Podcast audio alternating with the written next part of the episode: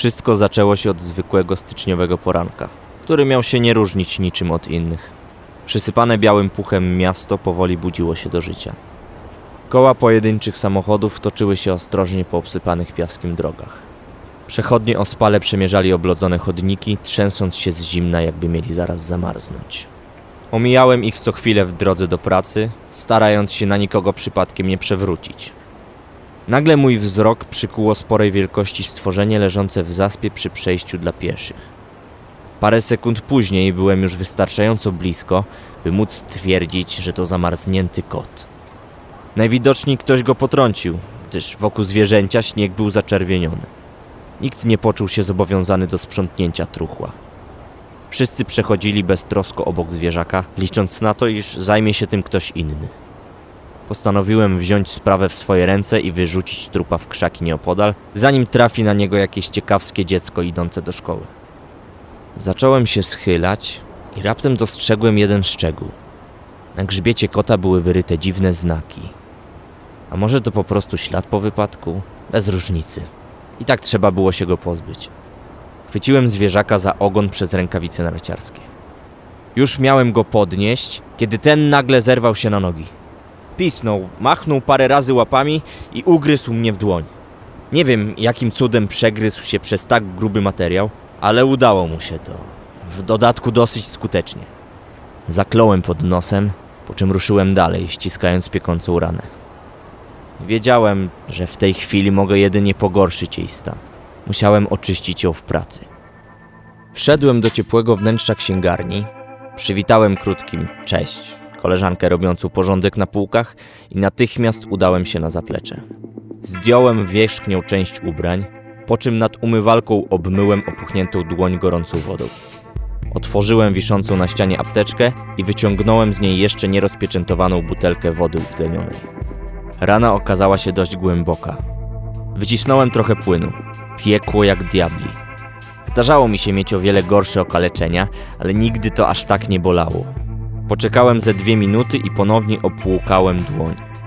Przykleiwszy plaster, puściłem zaplecze i podszedłem do naszego pierwszego porannego gościa. Dzień dobry, szuka pan czegoś konkretnego? Przez większość dnia pomagałem klientom w znajdywaniu książek i podejmowaniu decyzji, którą wybrać. Zachęcałem ich do kupowania innych pozycji, czy też w końcu do ponownego odwiedzenia naszej księgarni. Może nie była to zbyt ekscytująca praca, ale przynajmniej miałem ciągły kontakt z ludźmi, z którymi mogłem podyskutować o literaturze w najlepszym do tego środowisku. Założyliśmy Ibrię z Agnieszką niecały rok po zakończeniu studiów. Trzymaliśmy się razem od początku liceum. Może dlatego, że oboje spędzaliśmy większość czasu wolnego na czytaniu książek, a później dzieliliśmy się wrażeniami. Po skończeniu ogólniaka przyszedł czas na studia.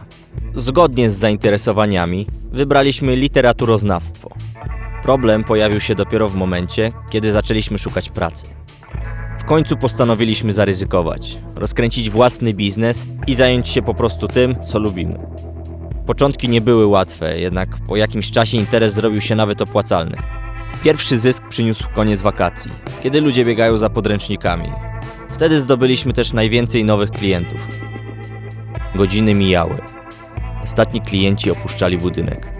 Jednak im bardziej zbliżała się godzina zamknięcia, tym gorzej się czułem. W pomieszczeniu zapanowała nieznośna duchota. Wszystko zaczęło wirować. Miałem wrażenie, że zaraz upadnę i rozbiję sobie głowę o któryś z regałów.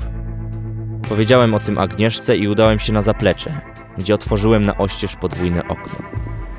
Wystawiłem głowę na zewnątrz, opierając się drżącymi rękami o parapet. Patrzyłem na tonące w ciemności miasto, wdychając orzeźwiające, zimne powietrze. Po paru minutach poczułem się trochę lepiej. Gdy mogłem już pewnie stanąć na nogach, stwierdziłem, że wystarczy już tego odpoczynku i chwyciłem za klamkę okna. Dopiero wtedy spojrzałem na rękę, o której do tej pory prawie zdążyłem zapomnieć.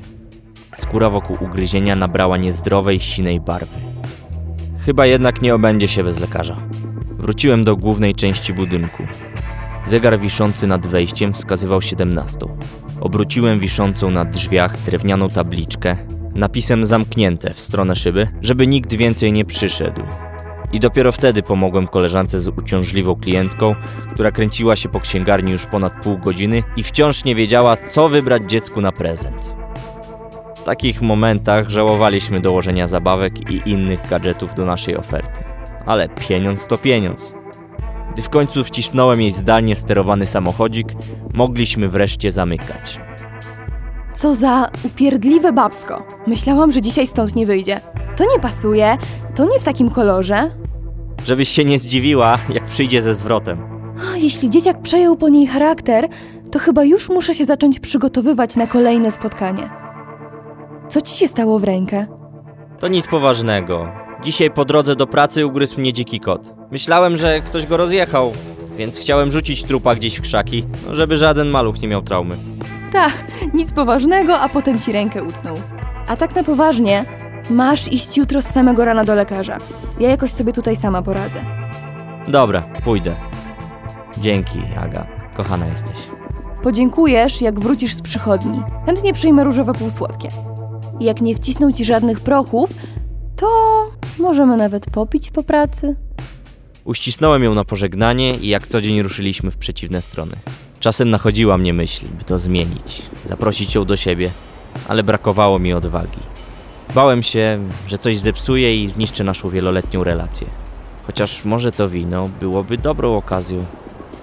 W chłodzie panującym na dworze czułem się całkiem inaczej niż w ogrzewanym pomieszczeniu. Wręcz idealnie. Przestało mi się kręcić w głowie, a powietrze było tak przyjemne, że czułem całym sobą każdy wdech. Nieśpiesznym krokiem poszedłem do domu. W takich momentach zima była naprawdę piękna. Przez całą drogę z zachwytem przyglądałem się oblodzonym drzewom, o które rozpraszał się klimatyczny blask ulicznych latarni. Gdy otworzyłem drzwi mieszkania, zalała mnie fala gorąca. Miałem wrażenie, jakby ktoś podkręcał wszystkie grzejniki do oporu. Wszedłem do środka i od razu spojrzałem na termometr. Wskazywał tylko 20 stopni Celsjusza. Więc dlaczego jest mi tak cholernie gorąco? Przykręciłem termostat i zacząłem wietrzyć mieszkanie. Po paru minutach zrobiło się znośnie. Ledwo co zamknąłem okna i poczułem, jak ogarnia mnie ogromne zmęczenie. Miałem wrażenie, że jeśli zaraz się nie położę, to upadnę na podłogę i tak na niej zasnę. Usiadłem na kanapie, mimowolnie zamknąłem oczy i po paru sekundach straciłem kontakt z rzeczywistością. Obudziła mnie narastająca temperatura. Zerwałem się, by znów spojrzeć na termometr. Może zepsuło się ogrzewanie? Niezmiennie 17 stopni. Co się tutaj do diabła dzieje? Zmniejszyłem temperaturę do 15 stopni. Odczekałem kilkanaście minut. Wraz z ochłodzeniem poczułem się lepiej. Ale dlaczego? Spojrzałem na swoją rękę, która coraz bardziej siniała. Ten cholerny kot musiał mnie czymś zarazić. Postanowiłem zmierzyć sobie temperaturę. Włożyłem termometr rtęciowy pod pachę i odczekałem 5 minut. Z niedowierzaniem patrzyłem na szary pasek, który nie ruszył się nawet o milimetr. Przez następną godzinę, spędzoną na nerwowym chodzeniu po domu, musiałem zmniejszyć temperaturę o kolejne 5 stopni. Z jednej strony wiedziałem, że potrzebuję pomocy już teraz. Nie mogłem czekać do rana. Ale z drugiej nie chciałem dzwonić po pogotowie. Wiedziałem, że zabiorą mnie do szpitala, a sama myśl o wyższej temperaturze przyprawiała mnie o dreszcze. Na szczęście miałem inne wyjście w postaci telefonu do starego znajomego, który został lekarzem. Wybrałem numer i nacisnąłem zieloną słuchawkę.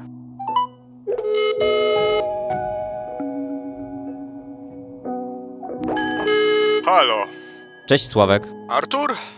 Nie miałem twojego numeru. Czego ty chcesz o tej porze? Słuchaj, stary potrzebuje twojej pomocy natychmiast. Cholera, co się dzieje? Wczoraj ugryzł mnie w rękę jakiś dziki kot. Musiał być chory na coś poważnego. Jakie masz objawy? Mam całą siną rękę, ale przede wszystkim temperatura. Ile? Nie wiem, nie mogę zmierzyć, bardzo niska. Proszę cię, przyjedź. Ja tu zaraz wykituję. Dobra, już się zbieram. Będę u ciebie za jakieś 20 minut. Tylko mi tam nie umieraj. Przyjechał nawet wcześniej. Usłyszałem pukanie do drzwi. Wcześniej otworzyłem zamek, więc zawołałem, żeby wszedł. Gdy tylko wstałem, obraz zaczął się rozmazywać. Twarz Sławka rozpoznałem tylko po jego brązowych włosach i długiej brodzie. Gdy podał mi dłoń, miałem wrażenie, jakbym złapał rozgrzany węgiel. Od razu ją puściłem i odskoczyłem jak poparzony. Masz strasznie wyziębione ręce. Czemu tutaj jest tak cholernie zimno? Nic dziwnego, że jesteś chory. Inaczej się tutaj ugotuję. Nie wiem, co się ze mną dzieje. Usiądź. Zmierzę ci temperaturę. Otworzył torbę i wyciągnął z niej termometr elektroniczny. Trzymałem go przez parę minut, aż rozległo się pikanie. 14 stopni. Jakim cudem? Nic z tego nie rozumiem. Ludzkie serce zatrzymuje się już przy 20. Przecież powinieneś być martwy. Możesz mi jakoś pomóc? Nie, nie wiem. Kurwa, widziałem wiele rzeczy, ale nigdy czegoś takiego. Przykro mi, ale nie potrafię ci pomóc. Najwyżej mogę cię zabrać do szpitala. Poczułem przypływ silnego strachu i gniewu. Przecież wszystko da się wyjaśnić. Nie ma przypadków, w których nie da się nic zrobić. Zacząłem słyszeć jakby nie swoje myśli. Kłamie. Chcę cię zawieźć do szpitala. Czujesz tę piekielną gorąc? On pragnie twojej śmierci. Straciłem nad sobą kontrolę. Opętany przez szał, chwyciłem Sławka z całych sił za szyję i przyparłem do ściany. Próbował krzyczeć, prosić o pomoc. Machał rękami i nogami, ale nie udało mu się wyrwać. Wzmocniłem uścisk, chociaż miałem wrażenie, jakby jego ciało uformowane było z gorącego żelaza. Twarz chłopaka zmieniła kolor na bordowy. Uderzyłem parę razy jego głową o ścianę. Przestał się poruszać. Poczułem, jak ciepło jego ciała na mnie spływa. Nagle powietrze stało się przenikliwie zimne. Pozbawiony sił, puściłem zimne już ciało, które zostawiło na ścianie szkarłatny ślad. Co ja zrobiłem? Nie byłem w stanie pojąć tego, co się właśnie wydarzyło. W dodatku z mojej winy. Zabiłem. Czułem do siebie odrazę. Przecież on nie zrobił nic złego. Chciał mi pomóc, a ja dałem się opętać. Tylko czemu? Czy to była wina choroby, czy może zwariowałem? Po moich policzkach zaczęły spływać ciepłe łzy. Robiło się coraz zimniej, a równomiernie z temperaturą przychodziła do mnie świadomość. To nie byłem ja. Przecież ja nikogo bym nie skrzywdził. Ciało kolegi pokrył gruby szron. Jakimś sposobem przejąłem całe ciepło jego ciała. To ja powinienem leżeć martwy. Coś podpowiadało mi, że muszę jak najszybciej odejść. Ubrałem się ciepło i wyszedłem na dwór. Odbijające się od śniegu pierwsze poranne promienie raziły załzawione oczy. Wyciągnąłem z kieszeni kurtki kluczyki od samochodu. Musiałem odjechać w jakieś odludne miejsce. Tak, bym nie skrzywdził nikogo więcej, jeśli znowu dopadnie mnie to mrożące umysł zimno. Ruszyłem prosto ku okolicznym lasom. Specjalnie wybrałem rzadziej uczęszczaną drogę. Zanim opuściłem okolice miasta, nastał dzień. Znowu robiło się gorąco. Z każdą minutą coraz gorzej. Wierzyłem, że tutaj nie znajdę żadnego człowieka i po prostu zamarznę, nie przyczyniając się już do kolejnych śmierci. Jednak miało się wydarzyć całkiem inaczej. Zauważyłem z daleka światła stojącego na poboczu pojazdu. Podjechałem bliżej i kierowany już nie swoimi myślami, wysiadłem z samochodu. Może mi pan pomóc? Utknąłem w zaspie, a sam nie dam rady się z niej wygrzebać. Spadł mi pan z nieba. Nie miałem nawet jak zadzwonić po pomoc. Ani kreski zasięgu. Gnojek jeździ po alkoholu. Znowu podpowiadał mi budzący się szał. Nie liczy się z tym, że może kogoś zabić. Załatw go.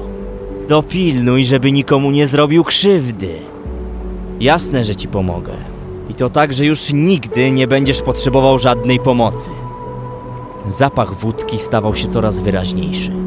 Będąc niecały metr od chłopaka, uderzyłem go głową w twarz i powaliłem na pokrytą lodem drogę, o którą zaraz miała się rozbić jego czaszka. Kiedy był wystarczająco otumaniony, złapałem za jego szyję i zacząłem dusić. Towarzyszył temu jazgot wydostający się z ust chłopaka.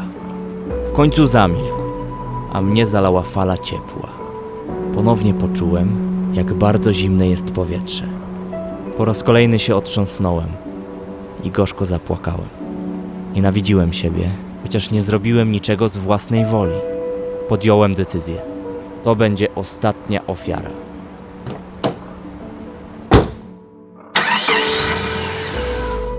Przejechałem jeszcze parę kilometrów. Kiedy zauważyłem barierki zabezpieczające przed wpadnięciem do rozpadliny, przycisnąłem pedał gazu do oporu. Przebiłem się przez metalowe ogrodzenie i poleciałem prosto w stronę przepaści. Przez długie sekundy wyczekiwałem na mordercze uderzenie. Jednak na moje nieszczęście wylądowałem w jednej z grubych fałd śniegu, która zamortyzowała upadek. Wstrząs był ogłuszający, ale ja wciąż żyłem. Z każdą godziną robiło się coraz cieplej. Siedziałem w rozbitym samochodzie, czując obłęd, który sprowadzał żądzę przetrwania. Moje ciało robiło się coraz bardziej skrępowane przez przejmujący je mróz. W końcu nie mogłem poruszać nawet oczami. Czekałem na śmierć. Nie wiedziałem jednak, że ta nie ma zamiaru po mnie przyjść. Miałem tak siedzieć przez wieczność ze wzrokiem utkwionym w jednym punkcie. Agnieszka miała coraz większe obawy o Artura. Nie odbierał telefonów, nie odpisywał na wiadomości. Żadnego kontaktu. To nie było w jego stylu. Nawet kiedy nie mógł rozmawiać, to przynajmniej o tym informował. Nie miała pojęcia, co się z nim może dziać. Gdy wieczorem wciąż nie dawał znaku życia, zamknęła księgarnię i poszła w kierunku innym niż na co dzień. Powolnym krokiem podeszła do zielonych drzwi i kilkakrotnie zapukała. Nie otrzymawszy żadnej odpowiedzi, nacisnęła klamkę. Drzwi ustąpiły. Artur musiał być w środku, przecież nie zostawiłby ich otwartych. Wchodząc do środka, poczuła okropne zimno, jeszcze bardziej przejmujące niż na zewnątrz. Wiedziała, że musiało wydarzyć się coś złego, przecież w takiej temperaturze nie dało się wytrzymać. Nagle dziewczyna usłyszała hałas dochodzący z salonu. Artur? Zawołała niepewnie. Chwilę później z pomieszczenia wyszła pokryta szronem postać. Sparaliżowana strachem dziewczyna nie dała rady nawet drgnąć. Stwór spojrzał na nią pustym wzrokiem, po czym rzucił się z rykiem w jej stronę.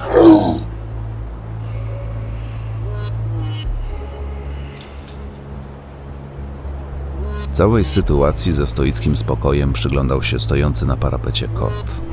Zeskoczył na śnieg i w mgnieniu oka przybrał postać wysokiego mężczyzny odzianego w czarny płaszcz. To dopiero początek. Zadbajcie o to, by świat nie ujrzał już wiosny. Mruknął z zadowoleniem.